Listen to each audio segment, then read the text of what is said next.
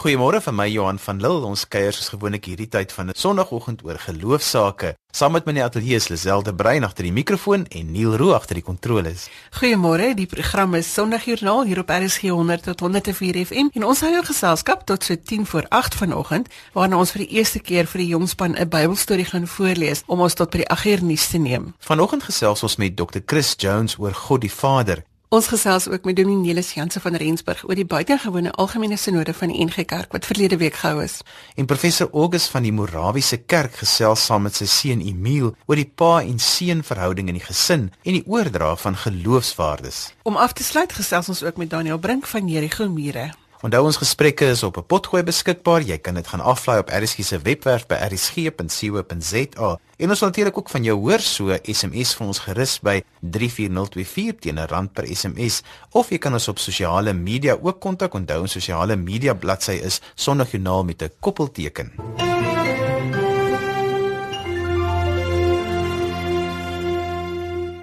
Dr. Chris Jones is verbonde aan die Stellenbosch Universiteit Teologie Fakulteit. Hy werk ook met morele leierskap en vanoggend is hy hier om saam met ons te gesels oor God die Vader. Goeiemôre Dr. Jones. Hallo Lisel. Ons gesels oor Paas hierdie week, oor gesinne, oor leierskap. God die Vader is vir ons 'n voorbeeld. Kom ons gesels 'n bietjie oor wat die Bybel vir ons daarvan sê. Uh, ja, Lisel, die Vaderbeeld, as 'n mens mooi daaroor dink, is eintlik 'n oerbeeld wat ons as mense in ons omdra en op meer as 200 plekke in die Bybel word na God as Vader verwys. Maar hierdie verwysing na God as Vader het in 'n patriargale samelewing of 'n patriargale era ontstaan en ons weet dat 'n uh, patriargaal uh, kom daarop neer dat die vader of die man regeer dikwels ten koste van die vrou. En ons het vir baie lank gedink dat 'n patriargie deur God self gegee is. En dit het te doen met hoe ons onder andere Genesis 2 en 3 gelees het en in, in opsigte vandag nog steeds lees. Dit het ook te maak met die beskouing dat die vrou uit die man geskep is en daarom eintlik ondergeskik aan die man behoort te wees. En dan natuurlik die beskouing dat 'n vrou die volmaakte skepping tot 'n val gebring het. Dit alles het van die vrou eintlik 'n tweede rangse wese gemaak. Uh, binne 'n patriargale verstaan ook van die Christelike geloof of die Christelike tradisie word die man dan ook as die hoof van die vrou gesien. En die vrou is daar om die man te help en die man by te staan. Hierdie beskouings het eintlik oor eeue heen as dit ware onaantastbare waarhede in ons geloofslewe geword. Ons dink gelukkig vandag uh, toenemend anders hieroor. Daar is plekke in die Bybel waarna daar na God verwys word in moederlike terme. Ja, jy is jy is heeltemal reg en ons kan dalk na enkele voorbeelde uh verwys Lisel. Jesaja 49 vers 15 en 16 staan daar: Kan 'n vrou haar eie baba vergeet, haar nie ontferm oor die kind wat sy in die wêreld gebring het nie? Uh selfs al sou so iets gebeur, ek en dit is nou God sal jou nie vergeet nie ek het jou in my handpalms gegraveer. En dan is daar nog 'n voorbeeld in Jesaja hoofstuk 66 vers 13 waar daar staan soos 'n moeder haar kind laat veilig voel, so laat ek julle veilig voel. En dan ook net in Matteus 23 vers 37 waar Christus self sê: "Hoe dikwels wil ek jou kinders bymekaar bring, soos 'n hen haar kuikens onder haar vlerke bymekaar maak, maar julle wou nie. So 'n mens behoort die moederlikheid um, van God eintlik meer te beklemtoon om dit in ewewig of balans met die vaderbeeld te bring. Uh, die moedersimbool is as 'n mens mooi daaroor dink die van sagtheid en warmte en lankmoedigheid en vertroeteling en speelsheid en dit is ook hoe die Bybel vir God aanbied. Dit is uh, heeltemal aanvaarbaar om aan God te dink as moeder en om ook tot God te bid as moeder. Kan ons God in geslag vasvang of is dit nodig dat ons dit in geslag in geslag vasvang? Dis ja, ek dink dis 'n baie belangrike vraag want uh, eintlik as 'n mens mooi daaroor dink is God geslagloos. Uh God is bo geslag verhewe. Uh, vir my is God gees. Uh deur na God as Vader en of moeder te verwys is maar net pogings uh, om iets van God te probeer verstaan. 'n uh, Patriargale samelewing doen nie altyd die status van vroue goed nie. Ook nie 'n godsdiens wat hierin vervat is nie. Beself volgens navorsing uh, wil dit lyk of 'n uh, vroue se status wêreldwyd aan die verbeter is veral wat betref gesondheid en onderwys, maar dit gaan egter op twee terreine. Uh, so wil dit lyk slegter met vroue, naamlik wat politieke mag betref as ook seksuele geweld. Ons moet onthou, ons het groot geword met 'n oorweldigende manlik gedomeineerde geloofsbeskouing en in opsigte gebeur dit vandag nog steeds. Uh, ons is eintlik grootgemaak met 'n volslaa eensydige beeld van God en dit is manlik. Tog is dit interessant dat die Katolieke tradisie baie van vroue gemaak het oor eeue heen. Uh, die Katolieke het op 'n manier aandag aan vroue gegee wat grootliks in gereformeerde kringe uh ont, ontbreek het. Kan ek net weer sê, um, ons spreuke oor God is eintlik menslike konstruksies. Taal oor God is eintlik metafories wat ons wil help om iets van God, die ewig onbegryplike te probeer verstaan. So eintlik kort ons nuwe taal sodat ons beter oor God as liefde kan praat. Want alle beelde wat ons van God het, het eintlik ten diepste met liefde te doen. So ons moet oor God probeer praat nie net as vader nie, maar eintlik ook as moeder of as vriend, maar ook as aarde. Want God se sorg strek verder as die mens. Dit sluit sy totale skepping in. God is ook 'n groen God. As ons net by 'n vaderbeeld van God sou vassteek, verskraal ons vir God eintlik geweldig. Ons kry hierdie sterk vaderbeeld ook in ander godsdienste nie waar nie, Chris? Lisel, jy's heeltemal reg. Ons kry dit eintlik in al drie die Abrahamitiese godsdienste, veral dan baie sterk ook in in Islam. By Boeddhisme sien ons egter meer moontlikhede as daar oor die godheid gedink en gepraat word. Maar die wonder is dat ons bly groei. Ons het ontdek dat slawerny verkeerd is en dat alle mense gelyk in waarde voor God is, wit en swart, man en vrou, hetero en homoseksueel. Ek glo ons sal ook vorder en verder ontwikkel wat ons godsbeeld uh, betref. Kan ek net dit ook sê as 'n mens byvoorbeeld met gay vroue werk, is dit goed as jy nie na God in manlike terme verwys nie. Ons sal moet leer om buite om geslag uh, oor God te praat. Maar dit het nou ook implikasies van hoe ons ons kinders grootmaak. Het dit nie? Ja, ja, dit uh, kan maklik gebeur dat ons ons seentjies se gedrag, kom ons sê maar polisieer deur hulle impulsiewe gedrag van omgee en emosie te probeer verander. En soos wat hulle groter word, is ons baie keer geneig om vir hulle te leer dat seuns en mans nie huil nie. En faal hulle word hulle soms meisietjies genoem. Uh dalk is dit goed om hier te sê dat manlikheid verkeer in 'n krisis. En ons as mans moet dit eintlik erken en ons broosheid omarm. Daar is soveel druk op mans vandag om te presteer en te versorg en baie soog doodgewoon onder hierdie druk. Miskien moet ons gou hierdie hele gesprek saamvat en 'n kort verteerbare paragraaf. Lisel, ek dink um, ons moet van kleins af uh, ons seuns leer uh, om vroue te respekteer. Dat jy nooit jou hand teenoor 'n vrou lig nie uh, dat enige vorm van geweld, enige vorm teenoor vroue verkeerd is. So net interessantheidshalwe, daar is 'n sekere gemeenskap in Amerika uh, waarvan daar gesê word dat seuns sonder speelgoedgewere en regte gewere groot word en geweld teenoor vroue bestaan feitelik glad nie daar nie. Dis 'n interessante gesprek, 'n diep gesprek wat ons seker baie lank kan besig hou. Baie dankie dat jy vanoggend met ons saamgesels het. Dankie Lisel. Lisel het gesels met Dr. Chris Jones oor God as ons Vader. Goeiemôre as jy sopas ingeskakel het. Jy luister na Sondag Joernaal saam met my Johan van Lille en Lisel de Bruin en agter die kontroles Neil Roo. Die koerante en ander nuusmedia het die week berig oor die spesiale sitting van die algemene sinode van die NG Kerk en hier by ons in die ateljee is Dominelis Janse van Rensburg wat die voorsitter van die vergadering was. Goeiemôre Dominelis. Môre Lisel. Hoekom was daar 'n spesiale algemene sinode sitting?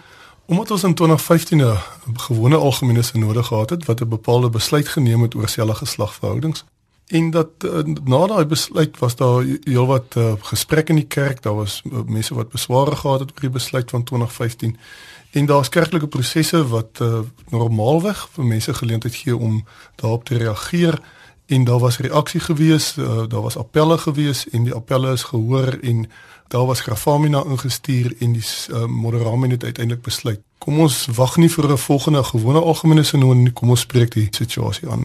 So wat is die proses wat julle gevolg het? Daar was 'n appelproses uh, wat gevolg is. Daar's uh, redelik vrae daar rondom oor die legitimiteit van die appelproses. Uiteindelik het die appelkommissie 'n bevinding gemaak en ons het met daai bevinding gewerk. Die bevinding was dat daar bepaalde probleme was met die wyse waarop die besluit van 2015 geneem is en op grond daarvan dat ons eintlik van voor af moet begin en 'n nuwe besluit moet neem. Dit is belangrik dat mense wanneer jy 'n uh, moeilike besluit neem kerkordelik korrek optree want kerkordelikheid gaan oor billikheid, né? Nee, dit gaan daaroor die kerkordelike proses is ontwerp sodat daar billikheid geskied in so 'n vergadering dat almal 'n gelyke reg het om deel te neem en daarom is daar meriete in, in wat 'n kerk oor dit uh, voorskryf vir so 'n vergadering. So wat is nou die nuwe besluite wat in die nuwe dokument vervat is? Lisel, ek dink dit is verskriklik belangrik dat ons lidmate moet verstaan dat die NG Kerk nog altyd 'n baie baie sterk siening gehad oor seksualiteit en gemeenskap tussen man en vrou dat die huwelik die plek is waar dit behoort te gebeur dat dit die godgegewe ruimte is wat ons in die Bybel van verneem wat geskep is vir seksuele verhoudings tussen mans en vroue. En die kerk het gesê die Bybel praat eintlik net van daai ruimte. Die Bybel praat nie van ander ruimtes as die ruimte tussen een man en een vrou binne die huwelik as 'n ruimte vir seksuele omgang nie. So dit was die kern van hierdie besluit. Dit is ook die punt wat die omstredenheid nou veroorsaak of die weerstand weer eens veroorsaak Omdat uh, mense sê wel dan skep dit geen ruimte vir mense wat homoseksueel is om in verhoudings te tree met mekaar nie. Daar's ook ander baie belangrike samehangende besluite geneem. Die eerste is dat ons sê dat alle mense is gelykwaardig. Uh, daar is geen onderskeid wat op grond van seksuele oriëntasie tussen mense gemaak word nie. En daarom is alle gelowiges, ongeag hulle seksualiteit, op grond van hulle geloof welkom in die ampte van die kerk. Nou, ons het vier ampte. Ons het die ampt van die leraar, ouderling, diaken, gelowig. En dit beteken gewoon dat mense ongeag hulle seksuele oriëntasie in enige van daai ampte kan dien. Die werklikheid is dat ons ook gesê het in die besluit dat dieselfde moreel-etiese voorwaardes geld vir alle mense wanneer kerkrade beoordeel wanneer hulle leiers kies. Maar as jy dit goed saamlees, beteken dit in effek dat uh, daar 'n vraag is oor die bevoegdheid van mense wat binne homoseksuele verhoudings leef om in 'n ampt soos die leraarsampt te kan dien. Die werklikheid is per definisie is homoseksuele mense nie uitgesluit van die ampt vir ook nie die van die leraar nie. En is dit moontlik en kan ek nou maar sê ons het ook al in die verlede persone wat homoseksuele oriëntasie gehad het as leraars in die kerk gehad. Maar die vereiste is dan nou in hierdie geval dat hulle aan daai moreel-etiese standaarde moet voldoen wat ons ook vir heteroseksuele mense stel. Die probleem is dan dat daar nie vir hulle opsie is om 'n binnehuwelik te wees. En dit is waaroor die weerstand op die oomblik in die kerk is. Die werklikheid is dit is die sinode se besluit, dis waarby ons staan op die oomblik. Dit is hoe die besluit geneem is. En laat ek dadelik sê, ek het voor die sinode het ek gesê, ons gaan nie na die sinode skielik almal met mekaar eens wees nie. Die verskillende standpunte gaan steeds daar wees. En dit is inderdaad so. Ons het nog steeds die verskillende standpunte. Die die feit is ook dat hierdie nie 'n haatbesluit is nie. Dis nie 'n anti-gay besluit nie. Dit word ons verteken voor. Daar's geen haat in hierdie besluit nie. Daar's 'n oortuiging wat verband hou met mense se verstaan van die Bybel dat ons nie selfde geslagverhoudings gaan legitimeer nie en dat ons dit nie gaan bevestig nie. Dis die besluit wat geneem is. Die besluit sê nie gay mense is nie welkom nie. Om die waarheid te sê, kom ons kyk net na die werklikheid soos dit tans is. Gemeentes het nog altyd self besluit wie hulle beroep. Dit sou nooit het nog nooit vir 'n gemeente gesê wie jy moet beroep nie. Gemeente kan 'n gay dominee beroep of wie ouderlinge of diakens is nie. Daar's gay persone wat kerkraadslede is in gemeentes. Dis een werklikheid. En hy word voortgesit. Die tweede werklikheid is is dat ons nie in een gemeente in die land 'n huidige tugsaak het teen 'n gay lidmaat nie. Nie omdat die persoon gay is of in 'n gay verhouding is nie. So die gemeentes akkommodeer gay mense. Daar is duisende gay lidmate in die NG Kerk wat gelukkige lidmate is in die NG Kerk en wat deel is van gemeentestrukture, gemeenteaktiwiteite en dis meer. En dit het niks daaraan verander nie. Hierdie besluit nie inteendeel. So die NG Kerk gaan baie liefdevol om met sy gay lidmate. Ek kan talle van hulle gaan kry as getuies om te sê hoe gelukkig hulle in hulle gemeentes is en dit bly steeds die prerogatief van gemeentes om dit so te hanteer. Dis 'n besluit wat nie ruimte maak vir selfe geslagverhoudings nie om dit amptelik te legitimeer nie. Dis die besluit. Die gesprek is 'n oop gesprek. Ek het verlede jaar na die 2015 besluit, het ek die heeltyd van mense wat besware gehad het teen die besluit gesê, daar is maniere binne die kerk om hierdie besware te hanteer, daar's kanale en hulle het daarvan ruim gebruik gemaak. En dit geld op die oomblik net so. Ek wil voorstel dat lidmate wat uh, bekommerd is oor die besluit of nie met die besluit saamstem nie, hulle opsies oorweeg, rustig met die Here daaroor 'n gesprek gaan, met mekaar daaroor gesprek gaan. Dit help nie ons probeer die kerk nou as sodanig diskrediteer nie. Dis die tipiese prosesse waardeur 'n kerk gaan wat ernstig is met die Bybel. En die pendulum swaai na verskillende kante toe. Vir Lydia het ons geweldige reaksie gehad. Nou het ons weer reaksie wat eintlik net verduidelik hoe kompleks die situasie is. En hoe dit nie so 'n eenvoudige ding is vir enige sinode om sommer net daaroor klarigheid te kry nie. So daar's rustige prosesse wat gevolg kan word en um, die prosesse is oop en die gesprek is oop en ek dink uh, ons almal moet fokus op dit wat die Here van ons nou vra en uh, binne die kerk aangaan met watter gesprek ook al nodig is om dit uh, vorentoe te Miskien is dit belangrik om te sê en jy kan my antwoord dat jy nie ligtelik hiermee omgegaan het nie. Nee, absoluut nie. Ek kan of jy sê net dis 'n noorde word dikwels voorgestel as 'n harde, weet ongenaakbare plek. Dit is inderdaad nie waar nie. Die waarheid is dat uh, daar baie baie intense uh, dialoog en debat is binne so 'n sinode. Ons het die Dinsdag van die sinode 'n voldag spandeer amper aan die hantering van die skrif, die gesag van die skrif. En baie vinnig verstaan dat vir ons almal, almal aan weerskante van hierdie spektrum van gesprek en daar's nie net twee standpunte nie, daar's 'n verskeidenheid van standpunte. Is inderdaad baie ernstig oor die Bybel as bron waaruit ons leef.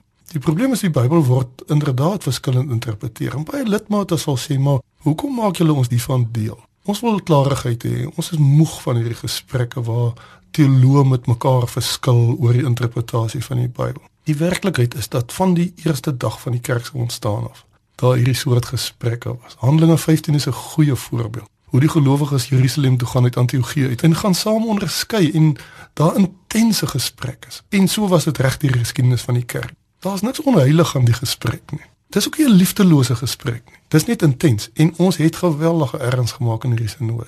Met die Bybel, ons het ook saam daar weggegaan met 'n gesamentlike verstaan, so verstaan ons die Bybel. Ons verskil oor interpretasies en dis geldige verskille. So ons um, ons moet nou vorentoe in mekaar vind. Vir al ons gay lidmate en hulle ouers en familie, broers en susters en vriende wil ek regtig sê, loop met ons die pad saam. Ons uh, wil baie graag hê dat julle moet deel wees van ons gemeente. Ons wil regtig vir julle ruimte skep. Laat ons saam die pad bly loop. Laat ons die wysheid van die Here bly soek om vir julle 'n uh, besondere ruimte te wees waar julle hom kan dien. Niels baie dankie vir die perspektief vanoggend. Baie dankie. Ons gesels geloofsaake vanoggend tot so kort voor 8.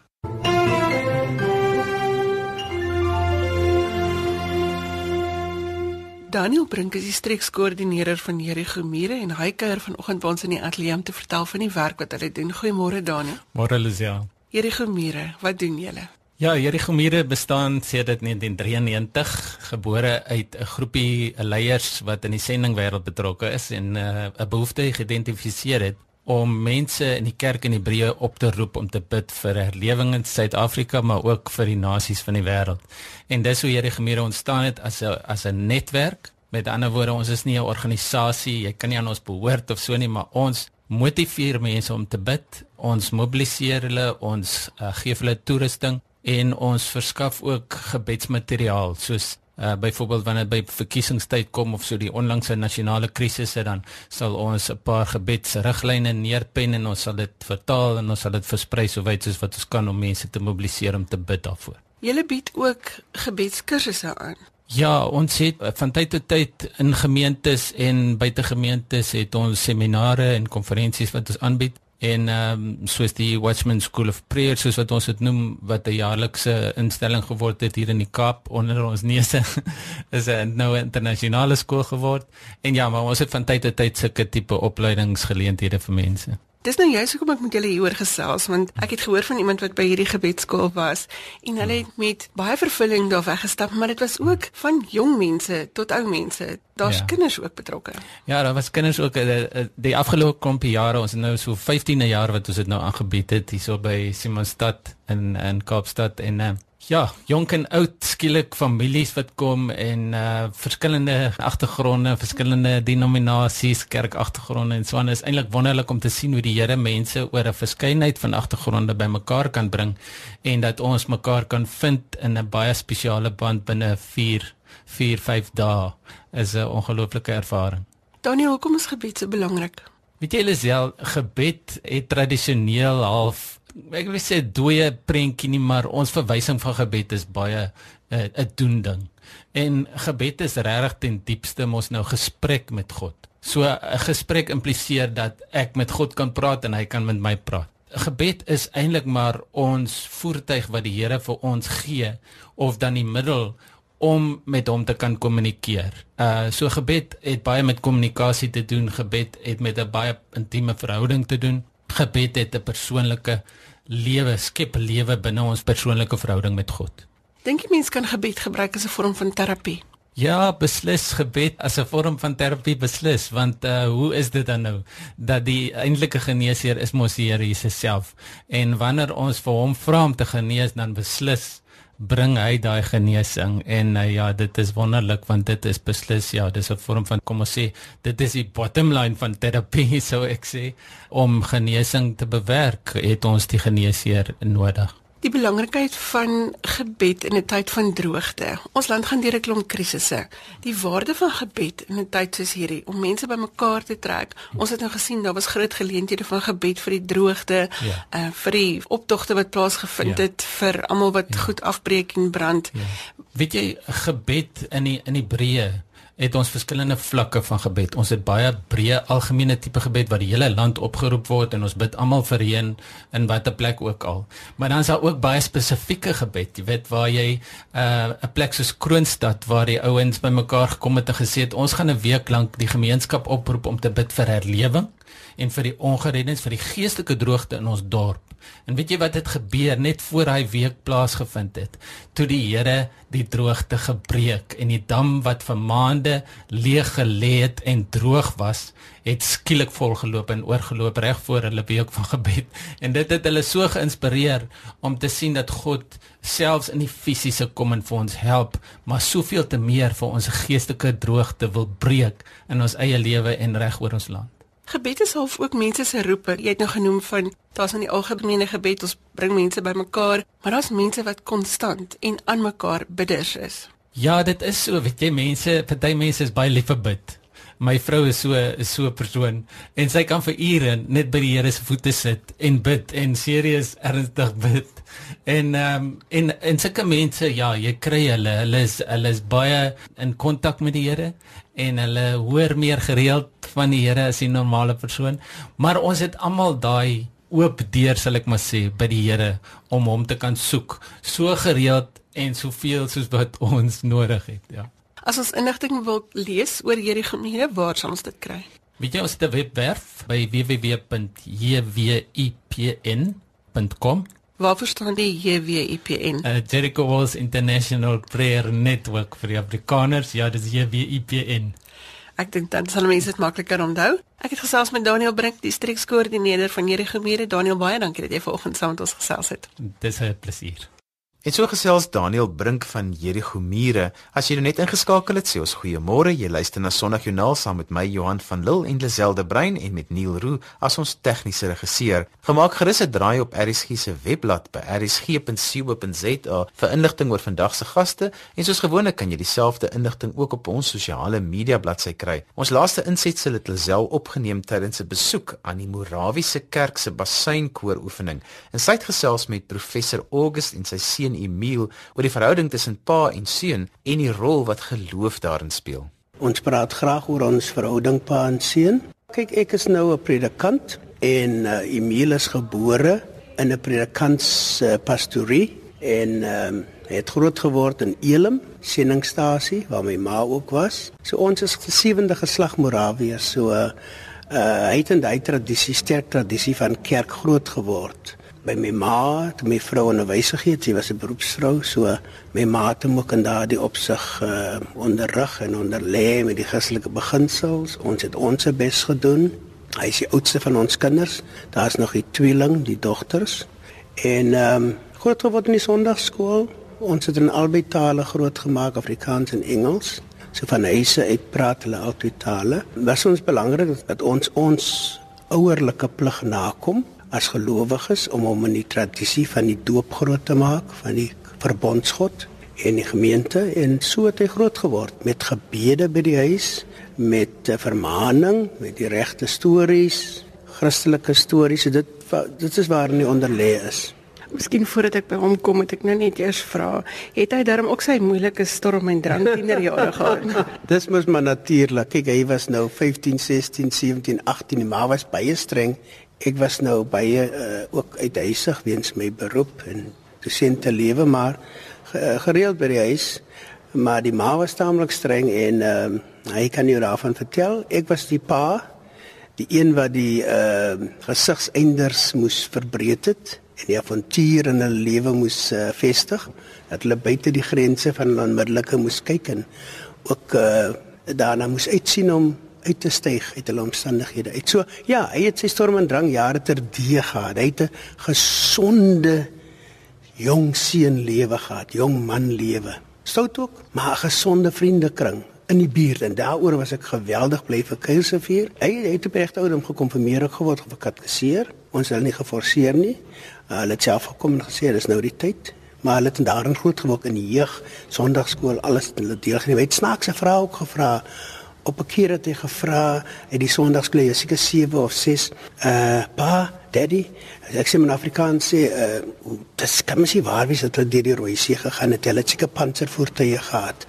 nou ja, maar nou dis nou die arme juffrou moes dit ontgaan het. Meisies gehad, uh, soms het ons die deur gesluit as hy te laat by huis kom op 'n keer het die ma sommer die goed buite op op die die, die inry gepak gesê as jy nou nie gaan luister maar môre wie daar is in jou klere. Nou ja.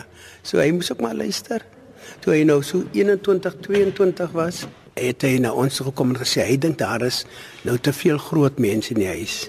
Hy wil maar nou 'n bietjie op sy eie gaan woon. Sê is nie sekerlik uh as jy daai stadium bereik het waar jou eie voetjies wil skop aan jou eie tafel doen so maar in ons huis is daar reëls en regulasies Ek hoor tog dat daar 'n gesinsstruktuur was, ma, pa, ouma wat alles bymekaar gehou het. Ja. Sy oupa en ouma en die ma se kant is ook predikante. So uh hy kom uit die sterk tradisie. My pa, my ma was weer met pa kerkraadslede in die kerk. So uh, ja, hy het in daai uh, dampkring groot geword met goeie jeugvriende, maar ook met sy buurtse vriende. Emil, hulle sê altyd die predikant se kind is die stoutste kinders. Ek hoor dat jy uit 'n gesonde verhouding kom maar dat daar baie predikante in die familie was. Hoe was dit vir jou om in 'n pastorie groot te word? Om dit so te stel, Lisel, dit was amper die norm om dit so te stel. As jy nou in 'n predikant se opset nou groot word, nê, word jy nou soos hulle nou sê exposed, nê, aan hierdie tipe van lewe. Ek meen predikante se vriende is ook predikante. Jy weet, is soos die tipe van kring wat jy in, in beweeg. So die die kinders waarna jy mee saam opgroei is maar hulle dieselfde ondervindinge soos jy en so. Maar soos my pa gesê het, hy het ons ook toegelaat om met ander kinders ook vriende te wees. En in daai opset het ek ook nie net ons kerk maar ander kerke ook ondervind, congregational Anglikaanse kerke en so so ek het 'n baie wye godsdienstige storie gehad, maar ook ehm um, my ouers het altyd vir ons ons kon altyd voel as kinders hulle doen alles vir ons, maar met streng reëls en regulasies. En soos my pa sê, die die Christelike aspek was altyd eerste. Jy moes Sondag kerk toe gaan, jy moes in die basseinkoor blaas en speel ongeag of jy nou saam net of so, jy moet soos hulle nou sê time management doen. As jy buite kan speel met jou vriende, kan jy ook vanaand in die basseinkoor gaan blaas en so. So ek sal sê ons het 'n baie interessante dit was nou nie soos ander kinders wat nou net 'n sekere styl van lewe het. Jy weet amper soos hulle sê best of both worlds gehad. Het jy ooit moet gehad om geloofsvrae te vra of het jy net aanvaar dis so dit is? Nee, altyd, altyd gevra. Jy weet veral toe sekere dinge gebeur soos beste vriende van my wat wat sou sterf op 'n jong ouderdom het ek altyd gevra my watter tipe God doen dit? Jy weet, iemand wat nou nog soos hulle sê in die prime van sy lewe is wat weggeneem word van sy familie met 'n klein dogtertjie. So ek het baie met sulke vrae geworstel toe ek baie jonger was. Maar tog, soos jy ouer word, verstaan jy daar is mos nou 'n doel vir alles eintlik. Ja, ons sal dit nie nou verstaan nie, maar ek dink dis waar die geloof eintlik inkom. Ek meen selfs die predikant kan ook nie altyd antwoorde hê vir goed nie. Daar was worstelinge met sekere aspekte van die lewe en so. Emil, jy het jou eie kinders vandag. Watter ding het jy by jou pa geleer wat jy ook in jou gesin nou toepas? Nommer 1 die godsdiens, né? Ehm um, my paale terloops, hulle bly nou saam met ons. Ehm um, hy het nou sy huis verkoop, jy weet daai pensioenjare kom nou nader en so in die oggend as ek nou die kinders skool toe neem, vra hy het ons daarom ons kerk is so 'n teksboekie, 'n daaglikse teksboekie. So dan vra hy altyd vir my wanneer lees ons aan die teksboekie? Dan sê ek nie ons het al 6 uur vanoggend die teksboekie gelees. So daardie tipe van dissipline as dit kom by godsdienst het ons dit is iets wat ek toepas en dan natuurlik dissipline oor die algemeen harde werk by klas van dinge as dit kom by kinders se skoolwerk en dan net goeie maniere en hoe jy mense jou medemens moet behandel en so jy weet professor om oupa te wees en heeltyd by jou kleinkinders te wees dis 'n voorreg O, dis 'n heerlike en wonderlike voorreg. Delaney is nou 18, sy is in matriek, sy gaan vir jaar matriek skryf, baie gehoorsaam, baie aktief in die kerk en die koor en die jeug. Sy is 'n jeugleier in die basynkoor en haar lewe is vol as 'n as 'n jong jeugdige. So uh, uh sy gaan natuurlik deur haar storm en drang jare, maar daar's liefde, daar's begrip en daar's dissipline.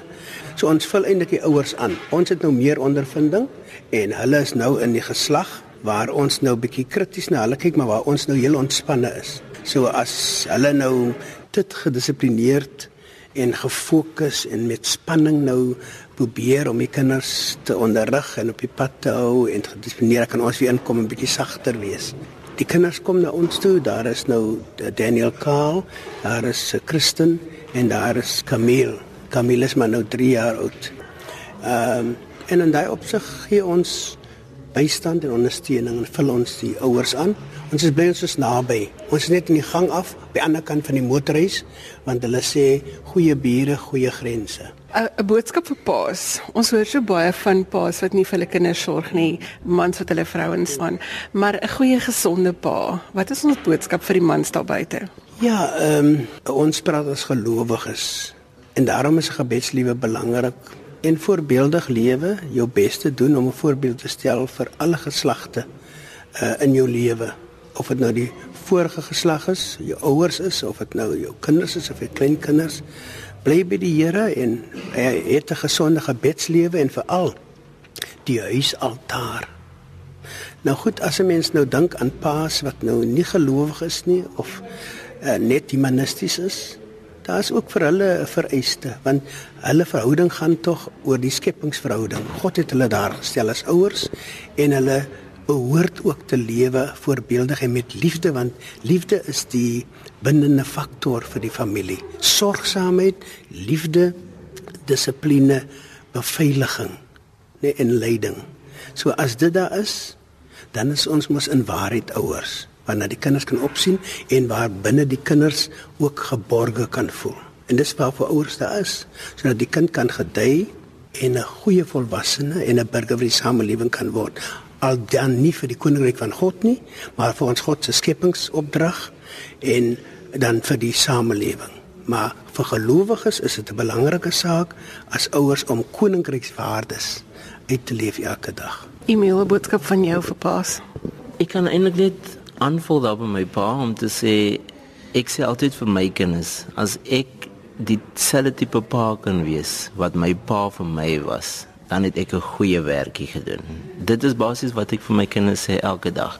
En ja, soos hy gesê het net ou, hy hulle is nou bietjie in die in die, in die ouer jare en hulle probeer die hoe kan ek sê nou the peace ou tussen die, die kinders en ons.